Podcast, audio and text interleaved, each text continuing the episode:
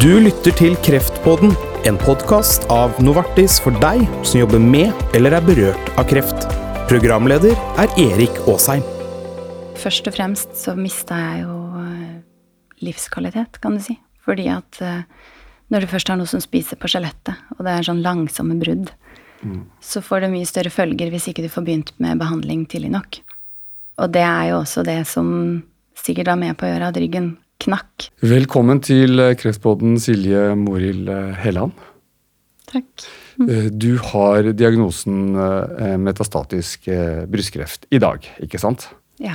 Og, og det innebærer at celler fra en brystkreftsvulst har spredt seg til organer utenfor det aktuelle brystet og nærliggende lymfeknuter, slik som til lymfeknuter lenger unna brystet, skjelett, lever, lunge og hjerne. Det er liksom diagnosen på metastatisk brystkreft. Og, men liksom, du ble først diagnostisert i, i, i, i 2015. Hva, hva skjedde da? Hva var, hva var diagnosen da? I eh, 2015 så fikk jeg jo en eh, primærdiagnose med brystkreft, sånn som eh, ganske mange kvinner kan få. Mm. Eh, Det som var kanskje litt annerledes for meg, var jo det at jeg eh, amma mitt mellomste barn, da mitt minste, og var gravid med yngste. Eh, Så når jeg oppdaga en kule kul i brystet, eh, var det sånn at eh, det starta ut som at det kunne være en tett melkegang, og sånn som veldig mange kvinner kan oppleve, da. Så derfor så drøyde jeg jo litt siden jeg amma mellomste. Så det var først når jeg var ferdig med amminga med han, at jeg tok til jordmor for å spørre om dette kunne være noe annet. For, for du har jo tre barn, du har jo, så du har jo ammet litt, for å si det sånn? Ja, Jeg har jo det. Mm. ja. men da sa det kunne være hormonelt, så det ble egentlig drøyd litt. Jeg ble bedt om å vente litt og se om, om den forsvant. Og hvis ikke den forsvant, så skulle jeg gå til fastlegen. Mm. Så jeg gikk da til fastlegen noen måneder etter det. Um, og derfra gikk det veldig fort, egentlig. Da var jeg høygravid, og det tok noen få dager før jeg fikk diagnosen brystkreft. Så da er det jo et sånn racerløp for å få i gang fødselen og kunne starte med behandling. Så da ble det jo ikke noe amming. Nei, da ble det ikke noe amming. Nei, e- en uke. Mm. Og så ble du jo etter hvert så ble du jo erklært frisk. Ja. Eller, ja. Så frisk man kan bli Ja. Erklært, egentlig. Da var det, fikk jeg beskjed om at det var liten sjanse for uh, tilbakefall. Hvor lang tid, var etter, hvor lang tid etter var det? Liksom 2015? Ehm, Det som Det varierer jo litt i forhold til hvor stor kreftsvulsten er, hvordan løpet er. Men for meg så var det jo en såpass stor svulst da at eh, jeg fikk cellegift og sånn først, så jeg ble operert eh, i april 2016. Eh, Fikk stråling etter det fram til juni. Ehm, Og så hadde jeg en, ehm, en sånn forlenga behandling etter det, da. Så du kan si at det var ca. et års tid etter behandling som jeg starta å få vondt i ryggen. Akkurat. Og da skjønte du at uh, du Jeg skjønte at det kunne være noe, ikke, ja, ja, ja. eh, for det var ikke en vanlig vondt i ryggen, det var litt, litt annerledes. Mm. Eh, Så jeg gikk til legen med dette. Altså fastlegen din? ja. Mm. fastlegen etter noen uker med smerter. Så da ble det tatt røntgen. Eh, Da hadde jeg samtidig også en hoste og sånn, så vi tok eh, røntgen av lunger og, og rygg. Eh, Det ble ikke funnet noe, og siden ikke det ble funnet noe på vanlig røntgen, så ble jeg egentlig hva skal jeg si, kanskje ikke friskmeldt, men fikk beskjed om at nei, det er ikke noe å se her, så kreft er det ikke, eller sånn. Så, men siden smerten ikke ga seg, altså jeg fikk jo dempa det, for jeg fikk jo smertestillende, Mm. så valgte jeg sjøl å insistere overfor sykehuset, da. Og kontaktsykepleieren, heldigvis, som han får utdelt der. Um, om at uh, hun kunne kontakte en kirurg som da fikk henvist meg til bilder. Akkurat. Så um, til slutt da i juni 2018 så fikk jeg bilder, og to dager seinere fikk jeg en telefon om at jeg hadde spredning. Mm. Til skjelettet. Ja. Ja. Utelukkende til skjelettet. Utelukkende skjelettet. Ja. Så jeg har det fremdeles i skjelettet, og jeg har det fremdeles på nesten akkurat de samme stedene. Mm. Det har ikke kommet eh, noen nye steder siden da. Det er ett nytt sted, men kan jo være det jeg allerede var der når jeg starta på behandling. Mm. Men føler du at du mista noe tid? Altså, den, altså Du tok et røntgen, du beskjed om at det er, ikke, det er ikke mer kreft. Altså, tenker du, hva, hva, tenker du om den, den, den tiden som gikk? Eh, aller Eller først og fremst så mista jeg jo eh, livskvalitet, kan du si. Fordi at eh, når du først har noe som spiser på skjelettet, og det er sånn langsomme brudd, mm. så får det mye større følger hvis ikke du får begynt med behandling tidlig nok. Og det er jo også det som sikkert var med på å gjøre at ryggen knakk nå. Eh, for selv om jeg går på medisiner som virker, så, så er jo det noen veldig slitne steder der hvor jeg har kreft. Eh, så ryggraden har jo da vært helt knekt av og stått med 45 graders vinkel. Akkurat. Mm. Og det ble, ikke, det, det ble, ikke, oppdaget på røntgen, rett og slett? Eh, hm. Jo, det ble, det ble oppdaga på røntgen. Mm. Det var først etter at behandlingen starta. Ja. Mm, så det var uh, i fjor sommer som det skjedde. Mm. Ellen Harris uh, Utne, velkommen til deg. Tusen takk. Du er leder av uh, Brystkreftforeningen, og, og, du har også uh, hatt og har, er under behandling uh, for, for, for, brystkreft. Uh, um, men sant, bare apropos det vi sånn Fastlegen som stikkord. At, at Silje da liksom fikk et tilbud om, om, om røntgen. Hva sier det om kunnskapshullene som, som er der ute? Kanskje blant flere fastleger enn den som Silje brukte? Vi veit jo det. Eh, først må jeg jo si at eh, den historien til Silje, den, den, berører meg veldig sterkt. Jeg er veldig opptatt av de som lever med metastaser. Eh, det er noe av det vi jobber veldig med i Brystkreftforeningen. Og vi har jo òg mange historier som forteller oss om at de alt ikke alltid blir trodd, eller at det er begrensa kunnskap hos fastlegen som gjør at de vil prøve andre ting før enn de sender de til spesialisthelsetjenesten. Mm. Eh, og det er veldig viktig at de hører på de som har kroppen. Det er de som går i den kroppen, som kjenner kroppen sin, og som veit hvilken smerter de har, og hvilken eh, forandringer de har i kroppen. Så det å sette fokus på å eh, kanskje Eh, få mer oppmerksomhet hos eh, fastlegene, ville være eh, en viktig sak å jobbe med. Mm. Og det tenker du og, Silje. ikke sant? Altså, mm. Nå er det jo en stund siden du fikk den beskjeden om at røntgen var nok. Hva, hva, hva, tenker du om det i dag? Jeg har egentlig valgt å ikke kjenne på noe bitterhet. Jeg tenker at det ble heldigvis oppdaga. Det slapp å spre seg videre. Det er veldig dumt at jeg sliter med um, smerter fremdeles. Smerter hadde jeg nok hatt noe av uansett etter hvert, men uh, ikke så fort og så tidlig, da. Mm. Uh, det jeg tenker, er det at det er viktig at vi blir hørt når vi kommer til uh, fastlegen med smerter. Det er jo en sånn gjengs forståelse av at det ikke har noe å si fordi at prognosen er den samme. Altså, det vil ikke endre diagnosen noe. Men det har utrolig mye å si for oss som lever i kroppen, å kunne da leve videre med en kropp som er så bra som mulig. Særlig når vi har så veldig mange gode medisiner. Mm. Da har det veldig mye å si hvor tidlig man får den diagnosen, og at ikke man eh, har fått eh, skader som på en måte påvirker livskvalitet for mye seinere. Så det har en del å si eh, å oppdage spredning tidlig, altså. Ja, for det stemmer, Ellen. Altså, det, man, man har ofte dårlig tid veldig dårlig tid. Stort sett de som lever med metastaser, har veldig dårlig tid. Og veldig mange av de er unge, som, eh, som Silje. Nå er det jo en generasjon eh, imellom oss. Eh, du kunne ha vært min datter. Ja, Silje er 38 år, ikke sant? Ja, og jeg er 63 og har en datter på snart 40, så mm. du kunne ha vært min datter. Og jeg ser jo det at eh, jeg har jo på en måte gjort mye i livet. Så for meg så, så Selvfølgelig, jeg ønsker jo ikke livet av noen, og jeg ønsker jo ikke å dø. Eh, men eh, det er jo de som har unge familier, du som nettopp Altså du som ble oppdaga når, når, du hadde var gravid. Eh, det er det, det, som skal ha livet foran dere. Og jeg skjønner ikke fremdeles hvorfor ikke vi er kommet lenger i vår teknologiverden.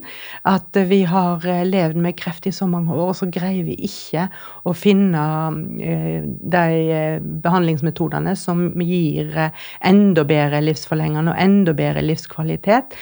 Og at det skal ta så lang tid før disse medisinene kommer. Mm. Vi skal snakke litt om det etter hvert, men, men Silje, du, liksom, du, er jo under behandling. Eh, og, og, opplever du det er, er, det medisiner nå som du tenker kan gjøre deg frisk, eller er det livsforlengende medisin bare? De medisinene som er eh, i Norge i dag, er medisiner som skal være livsforlengende, mm. først og fremst. Mm. Eh, men jeg har stort håp, jeg, om at det kommer medisiner som kan gjøre meg frisk. Mm. Så det man ser er på vei inn, er jo forskjellige medisiner som kan gjøre livet lenger. Mm. Og jo lenger livet blir, jo større sjanse er det for at man opplever det å kunne bli frisk. Det er jo i veldig mange forskjellige kreftformer hvor det har skjedd sånn, et sånt paradigmeskifte, egentlig. Mm. For um, Ellen, ikke sant men det går, jo, det går, jo også fort da, på dette feltet. Det, vi har jo, Hvis du ser tilbake 20 år i tid, eh, eh, og i dag så har det jo skjedd veldig mye også når det gjelder behandling av mesatatisk eh, brystkreft. Mm.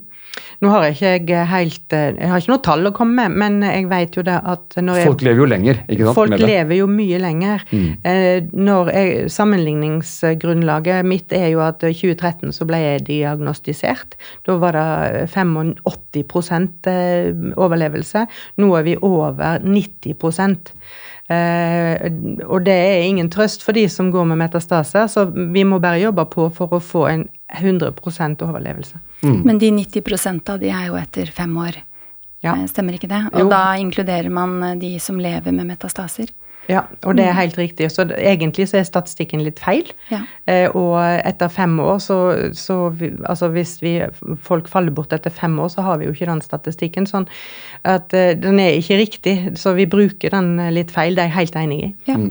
ja, for nå er jo jeg mer enn fem år etter diagnose, og jeg er jo en av de 90 friske, da. Ja, mm. mm. Egentlig. Egentlig. Ifølge statistikken, ja. ja. Men uh, Silje, hva, hva, er det du hva, er, altså, På en dårlig, dårlig, dag eller en dårlig natt, altså sitter oppe for eksempel, og ikke får sove, hva er det du liksom, tenker at dette skulle vært gjort? Vi må ha en raskere innføring av nye medisiner ja. gjennom Beslutningsforum. Mm. Det er, eh, det er drømmen min. Mm. Ja. At ikke man skal måtte ta en så lang omvei for å få ting godkjent. Hva tenker du om det? Altså, Hvordan virker det inn på deg når du vet at kanskje det finnes noe der ute i verden som andre land har godkjent, men mens eh, så får ikke du tilgang til det? Du vet, eh, man sitter og ser at søstre dør. Mm. Mm. Imens de venter på medisinen. Så det gjør noe. Eh, jeg føler meg ganske trygg på at jeg skal leve til neste medisin er eh, godkjent, eller at jeg kan kjøpe det sjøl. Men jeg ser eh, de som ikke overlever, og de som nå ikke er her lenger, fordi at medisinen ikke var godkjent tidsnok. Mm. Og da kan man ikke legge seg bak det at vi har Impress, f.eks., for for det er, det er veldig mange som som er for dårlig til å inkluderes i en sånn type studie. Og det er jo ikke veldig mange medisiner tilgjengelig der gjennom det studiet heller enda. For Impress-studiet er jo en, en, en studie på sant, persontilpasset eller presisjonsmedisin, hvor man bruker allerede eksisterende eh, eh behandling for å, å, sette sammen og, og, og prøve på nytt. Mm, mm.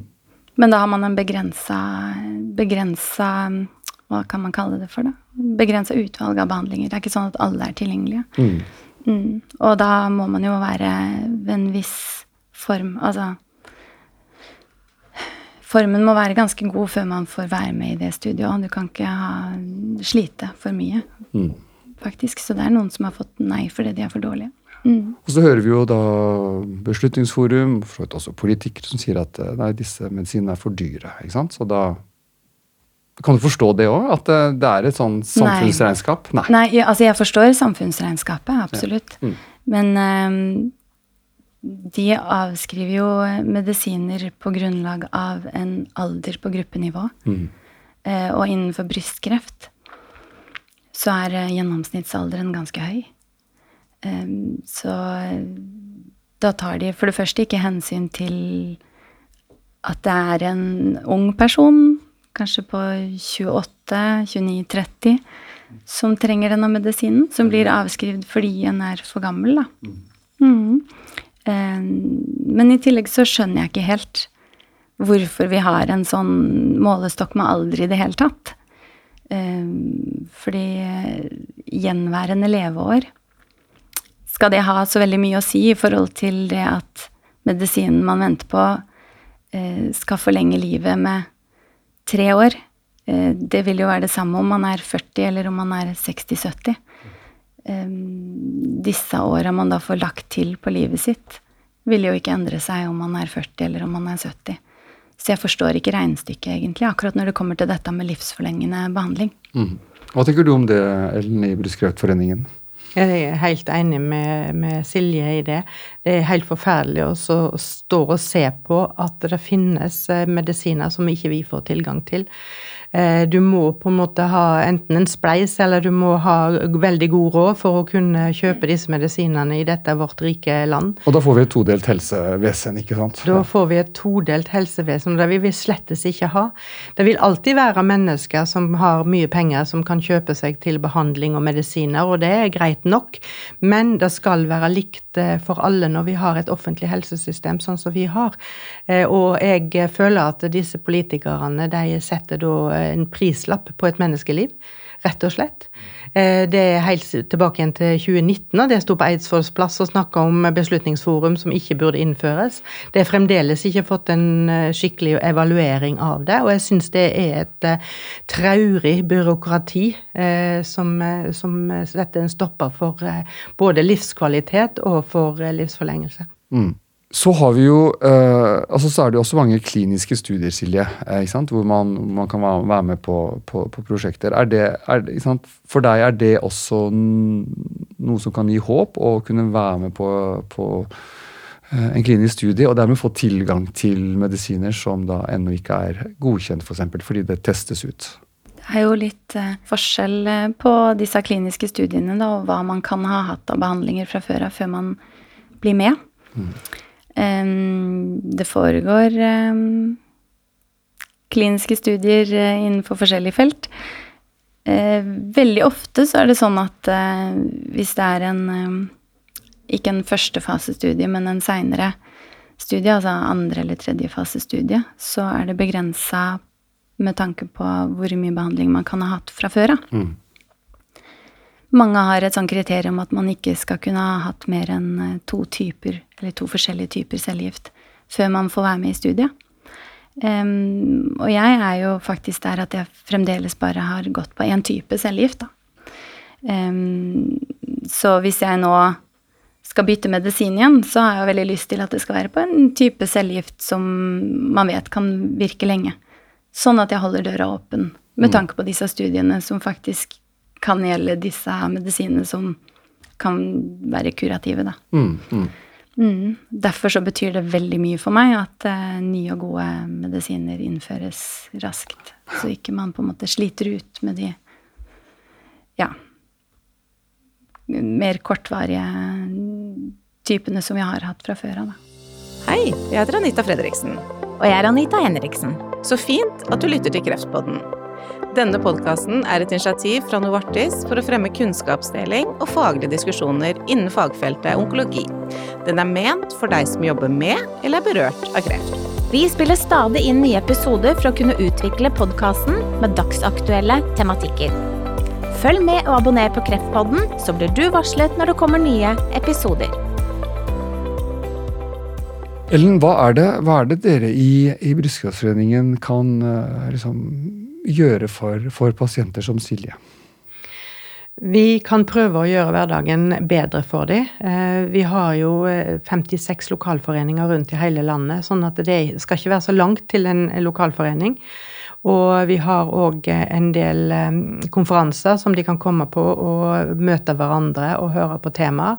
Men det viktigste vi gjør, det er likepersonstjenesten vår, okay. der vi kurser de som har gått igjennom eh, en sykdom, og som har et eh, avslappa forhold til sykdommen sin, eh, som kan veilede og kan lytte, ikke minst, det tror jeg er det viktigste, å lytte til den som eh, tar kontakt for å få en prat med en, eh, en likeperson. Og en likeperson kan lytte, men han kan òg følge på Eh, behandling, en kan følge på legekonsultasjoner.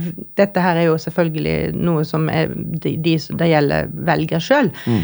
Men hvis de føler at de står alene, så kan vi òg bidra på den måten. Men eh, vi vet jo det at vi har mange som tar kontakt eh, for å få få ut gørra, som jeg pleier å si. Ja. ja. Det har jeg sagt når jeg var sjuk, så sier jeg da kan jeg få legge igjen gørra her og ikke ta den med hjem. Eh, for da kan på en måte den gørra bli liggende en annen plass enn midt i, eh, i hjemmet, mm. hjemme, sammen med familien. Fikk du da hjelp av uh, likeperson? Jeg fikk hjelp av en veldig flink kreftkoordinator ja. som vi hadde. Eh, sånn at, eh, men jeg har òg snakka med likepersoner i ettertid. Mm. Dette gjelder òg for pårørende, for det er jo òg pårørende som sliter fælt med dette her, som eh, kanskje òg trenger å legge igjen gørra si og diskutere dette her med andre. Og vi har jo òg barn som pårørende, som òg er viktig å ta vare på. Sånn at vi har et, bredt spekter av det å, å, kunne ta vare på familien. Mm. Ja, Silje, du har, du, har, du, har, du har jo mann, og du har tre barn. Du bor i Arendal. Eh, tenker du at uh, mannen din, barna dine, får de, får de den støtten som, som, som de trenger, eller er, det, eller er, det, noe å gå på her òg? Vet du, jeg er uh, veldig opptatt av å hegne om en uh, normal hverdag. Ja. Um, så det står veldig sterkt for meg. Så så lenge jeg er oppegående og har energi og ikke på en måte er på kanten, så tenker jeg at det er viktig for barna mine òg at de føler at det er en normal hverdag. Mm. Vi har, eh, har, hatt og har veldig fine samtaler om at um, Altså, de er klar over at min sykdom er en sykdom hvor folk dør, kan dø, eh, og at det er mange medisiner som kan forlenge livet. Mm. Og at det også er mange medisiner på vei inn som kan forlenge livet enda mer. Og at vi håper på en kur. Eh, så de er der at um, ja, de er med meg i mitt håp. Eh, og de ser at jeg har det greit. Og så lenge det er sånn, så tenker jeg at uh, da vil vi helst leve hverdagen vår på vår måte. Mm. Og ikke på en måte blande for mye spesielle ting inn når ikke det trengs ennå. Mm. Men jeg skjønner veldig godt at det trengs um, Sånn som nå har jo jeg hatt en periode hvor jeg har vært gjennom det å ha knekt rygg, vært gjennom ryggoperasjon og hadde jeg skulle holdt på sånn resten av livet mitt, så ville jeg jo veldig gjerne at mine barn skulle blitt ivaretatt, for da, da, da får de det mye mer opp mm. foran ansiktet og blir mer redde da, på hva, hva skjer med mamma nå. Så i sånne tilfeller så tenker jeg det at det er utrolig verdifullt at de har et godt støtteapparat. Ikke bare med samtaler, men også med alt det praktiske som faktisk trengs i et hjem når én av to foreldre, eller kanskje til og med den eneste av foreldrene, eh, hvis de har bare én mor, f.eks., mm. eh, sliter med en sånn sykdom. For det, det, er egentlig veldig viktig. At eh, hverdagen i huset også kan gå rundt. Mm. Bare dette med rengjøring og altså, hjelp eller logistikk til å få ordna til med sånne ting, da. Mm. Det er ganske verdifullt. For alt det dreier seg jo, altså går jo inn under, eh, under samleposten livskvalitet. Ja. ikke sant? At mm. du også får hjelp til det, mm. altså, eller klarer å fikse alt det praktiske. ikke sant? Mm. mm. At det fins et støttemiljø der. Mm. mm. Ja, for det er eh, altså, liksom, Livskvalitet er jo, et, er jo et nøkkelord hos, uh, hos dere. Altså når man er under behandling. Ja, under behandling og etterpå. I helt i begynnelsen så snakket vi om at en er frisk. Vi ser jo da at den er kreftfri, men ikke frisk. Mm. For oss som er så heldige å bli kreftfri, så, så er vi allikevel ikke friske. Og vi kan òg slite med forskjellige ting i hverdagen. Og det å ha, som du sier, eh, et, eh, et eh, apparat rundt som kan hjelpe med det praktiske, sånn at en kan konsentrere seg om familien sin, eh, er veldig viktig. Jeg vet at eh, Kreftforeningen har et veldig fint sånn hjelpeapparat. Eh, Hvor utbredt det er, det vet jeg ikke, men de har sånne som, som kjøper, henter og bringer, og som er Jeg husker ikke hva det heter for noe, men det er noe hjelpe, heter noe, et eller annet hjelpe, en hjelpende hånd eller noe. Mm. Sånn at det skulle jeg ønske at vi i Brystkreftforeningen kunne òg opprette på lokalnivå. Så det er noe som vi ser på. Eh, Og det er uhyre viktig, og jeg er uhyre imponert over det du forteller, at du har disse samtalene i familien din, fordi at det er så viktig å ha åpenhet. Eh, Det er ikke lenge siden jeg leste om en person som familien ikke ville snakke om døden i det hele tatt. Døden er en naturlig ting av eh, livet. Nå er det en unaturlig ting med, med Silje, men det er noe som Altså, det er ingen av oss som overlever. Uansett hvor og når, så er det ingen av oss som overlever. Så det er viktig å ha åpenhet om det. Det er rosa sløyfe-måneden i oktober hvert år. Vi har på årets versjon på, på, på genserne våre her i studio. Eh, eh, det er mye fokus på, på, på brystkreft da i, i oktober. Eh, men tenker du at er det nok, er det nok fokus på dette temaet resten av året? Jeg føler at vi jobber ganske mye med det resten av året òg. Eh, fordi at vi har Rosa sløyfe, som er et eh, kjent varemerke, og som er en kampanje som de fleste kjenner, så blir det veldig mye rosa i hele oktober. Sånn at folk ser det, og de, det er jo Holmenkollen er rosa, og Bruer er rosa, osv.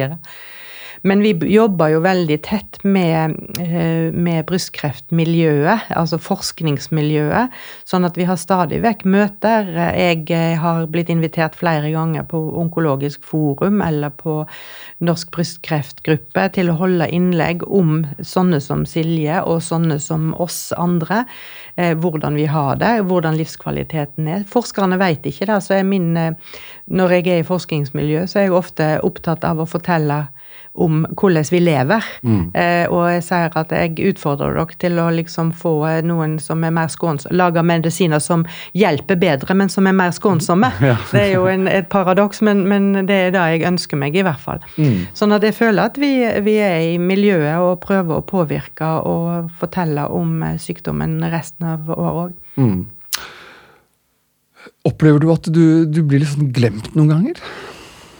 For det er så mye fokus på, på, på, på andre ting. Nå har vi mye debatt om strømkrise. Det er liksom, altså, kanskje en del, en del ting som for deg som er alvorlig syk, eh, liksom oppleves som litt smått. Det er vanskeligere å um, på en måte um, kunne komme fram med sitt eget budskap, eller eh, Altså som egentlig gjelder en liten gruppe i forhold til fellesskapet, da. Sånn når det er så mye snakk om så alvorlige ting som krig eh, og trusler. Eh, men også dette med strømkrise. Men jeg har jo jeg har tenkt det at eh, jeg skulle veldig gjerne ha vært kald og dansa rundt frisk på gulvet i ullsokker og ulljakke. Fordi jeg ikke hadde, hadde det varmt nok å være frisk enn å ha det sånn som dette. Men selvfølgelig så er jo strømmen noe vi alle er opptatt av. Og det er veldig mye mer alvorlige ting med det òg, så jeg forstår det. Det er bare litt vanskeligere å komme fram med et viktig budskap som faktisk går ut på tid. Fordi det er mange nå som fremdeles lever, og som står i fare for å ikke overleve fordi de ikke får medisinene de trenger. Det er eh, Det er hardt å være vitne til, og det er enda hardere å rope ut så folk hører det, når det er så veldig mye annet som er så dramatisk. Mm. Det er mange pårørende og pasienter som, som eh, også hører på denne podkasten, Silje. Eh, og nå har du jo, sant, siden eh, 2015 så har du, så har du levd med, med, med kreft. Eh, eh, hvordan er det du finner energi i hverdagen? Har du, har, har du, har du, noen, gode, har du noen gode tips? Da må jeg egentlig gå helt tilbake til eh, da jeg var nybehandla etter den første brystkreftdiagnosen. Fordi at eh, når du har vært gjennom cellegift, så kan du, om ikke du har vært eh, ME-pasient og får mer energi av det, så kan du faktisk oppleve å bli veldig nedkjørt. Jeg kunne ikke fullføre turer på butikken. Jeg måtte sitte i bilen og konsentrere meg og kjempe for å puste fordi jeg var så sliten. Altså, du er så sliten at det er vanskelig å trekke pusten. Um, og det varte en god stund etter behandling. Uh, dette er ting du gjerne ikke får beskjed om i forkant. Mm. Så det blir en sånn psykisk belastning òg. Hvor lenge skal jeg ha det sånn som dette? Og det er det ikke så mange som vet heller, um, av legene man spør. Uh, disse bivirkningene kan liksom For noen gir det seg med en gang for andre etter to måneder. For enda andre er det to år, eller så er det noen som må bare leve med de nye bivirkningene, eller de nye ettervirkningene, da, senvirkningene. Mm. Eh, så det som ble min løsning i den hverdagen, var å aldri Aldri på en måte kjøre meg for hardt. Jeg måtte hele tida passe på at ikke jeg kjørte meg for hardt. For hvis jeg kjørte meg for hardt, så ble jeg da liggende eh, og ikke kunne gjøre noe i kanskje en uke eller to før jeg kjente at energien kom litt tilbake igjen. Um, men den energien, den kom ikke egentlig før um, Før nesten et helt år etter diagnosen. Det var da jeg begynte å ha det sånn at jeg kunne gjøre litt, og så måtte jeg hente meg inn igjen. Så det handla egentlig om å aldri presse meg så langt at jeg bare ble liggende. Mm. Uh, så jeg måtte rett og slett lære meg å lytte grundig til kroppen min. Og da klarte jeg å starte på studier bare noen få måneder etter at jeg hadde begynt å få tilbake energien. Eh, men på de hardeste dagene da på universitetet så kjente jeg at jeg aller helst ville ligge på bulten min når de siste timene var. Mm. Men det gikk så lenge jeg lytta til kroppen, og da ikke gjorde så mye etter skolen. Mm. Men nå, da? Altså, ikke sant? Eh, du har dager det går, det går opp og ned, og du har sikkert eh, Du våkner kanskje på morgenen eh, kanskje ikke i form og har, har store planer for, for, alt du skal gjøre i løpet av dagen. Kanskje å få til? Det er faktisk nesten aldri sånn at man våkner i god form på morgenen når man ikke har østrogen i kroppen. Da våkner du som en veldig gammel dame. Men det går seg til litt etter hvert. Så det handler egentlig bare om å ta seg den tida man trenger. Eh, høre på kroppen da òg. Og nå har jeg ganske greit med energi. Hvis jeg gjør for mye, sånn som å øve til mange eksamener på en gang, eh, så kan jeg bli helt slått ut på nytt. Eller hvis jeg møter mye motstand innenfor det å skulle kunne eh, få medisin jeg vet jeg trenger. Sånn som det jeg opplevde før jul i fjor.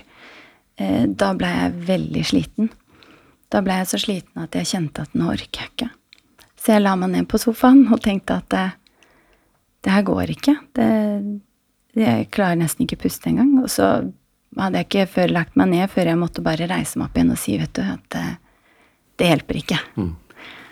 Så da skrev jeg, og jeg skrev og skrev, og jeg la det ut på Facebook. og jeg samla inn eh, til Spleis, og da fikk jeg energi av støtte fra andre. Mm. Mm. Og så er det jo litt sånn, sånn, sånn, sånn visdomsord-klisjé at man, man, skal fokusere på det man uh, får gjort, og det man ikke får gjort. Men, men for deg er det faktisk ikke en klisjé, det er, det, det er helt, mm. helt, reelt at det er viktig ja. å tenke sånn. ikke sant? Kan du ja. si litt om det? Nei, for det er jo sånn Hvis man skal kunne bruke energi på viktige ting òg, så må man innse det at det er ikke alltid husarbeid er det viktigste i verden.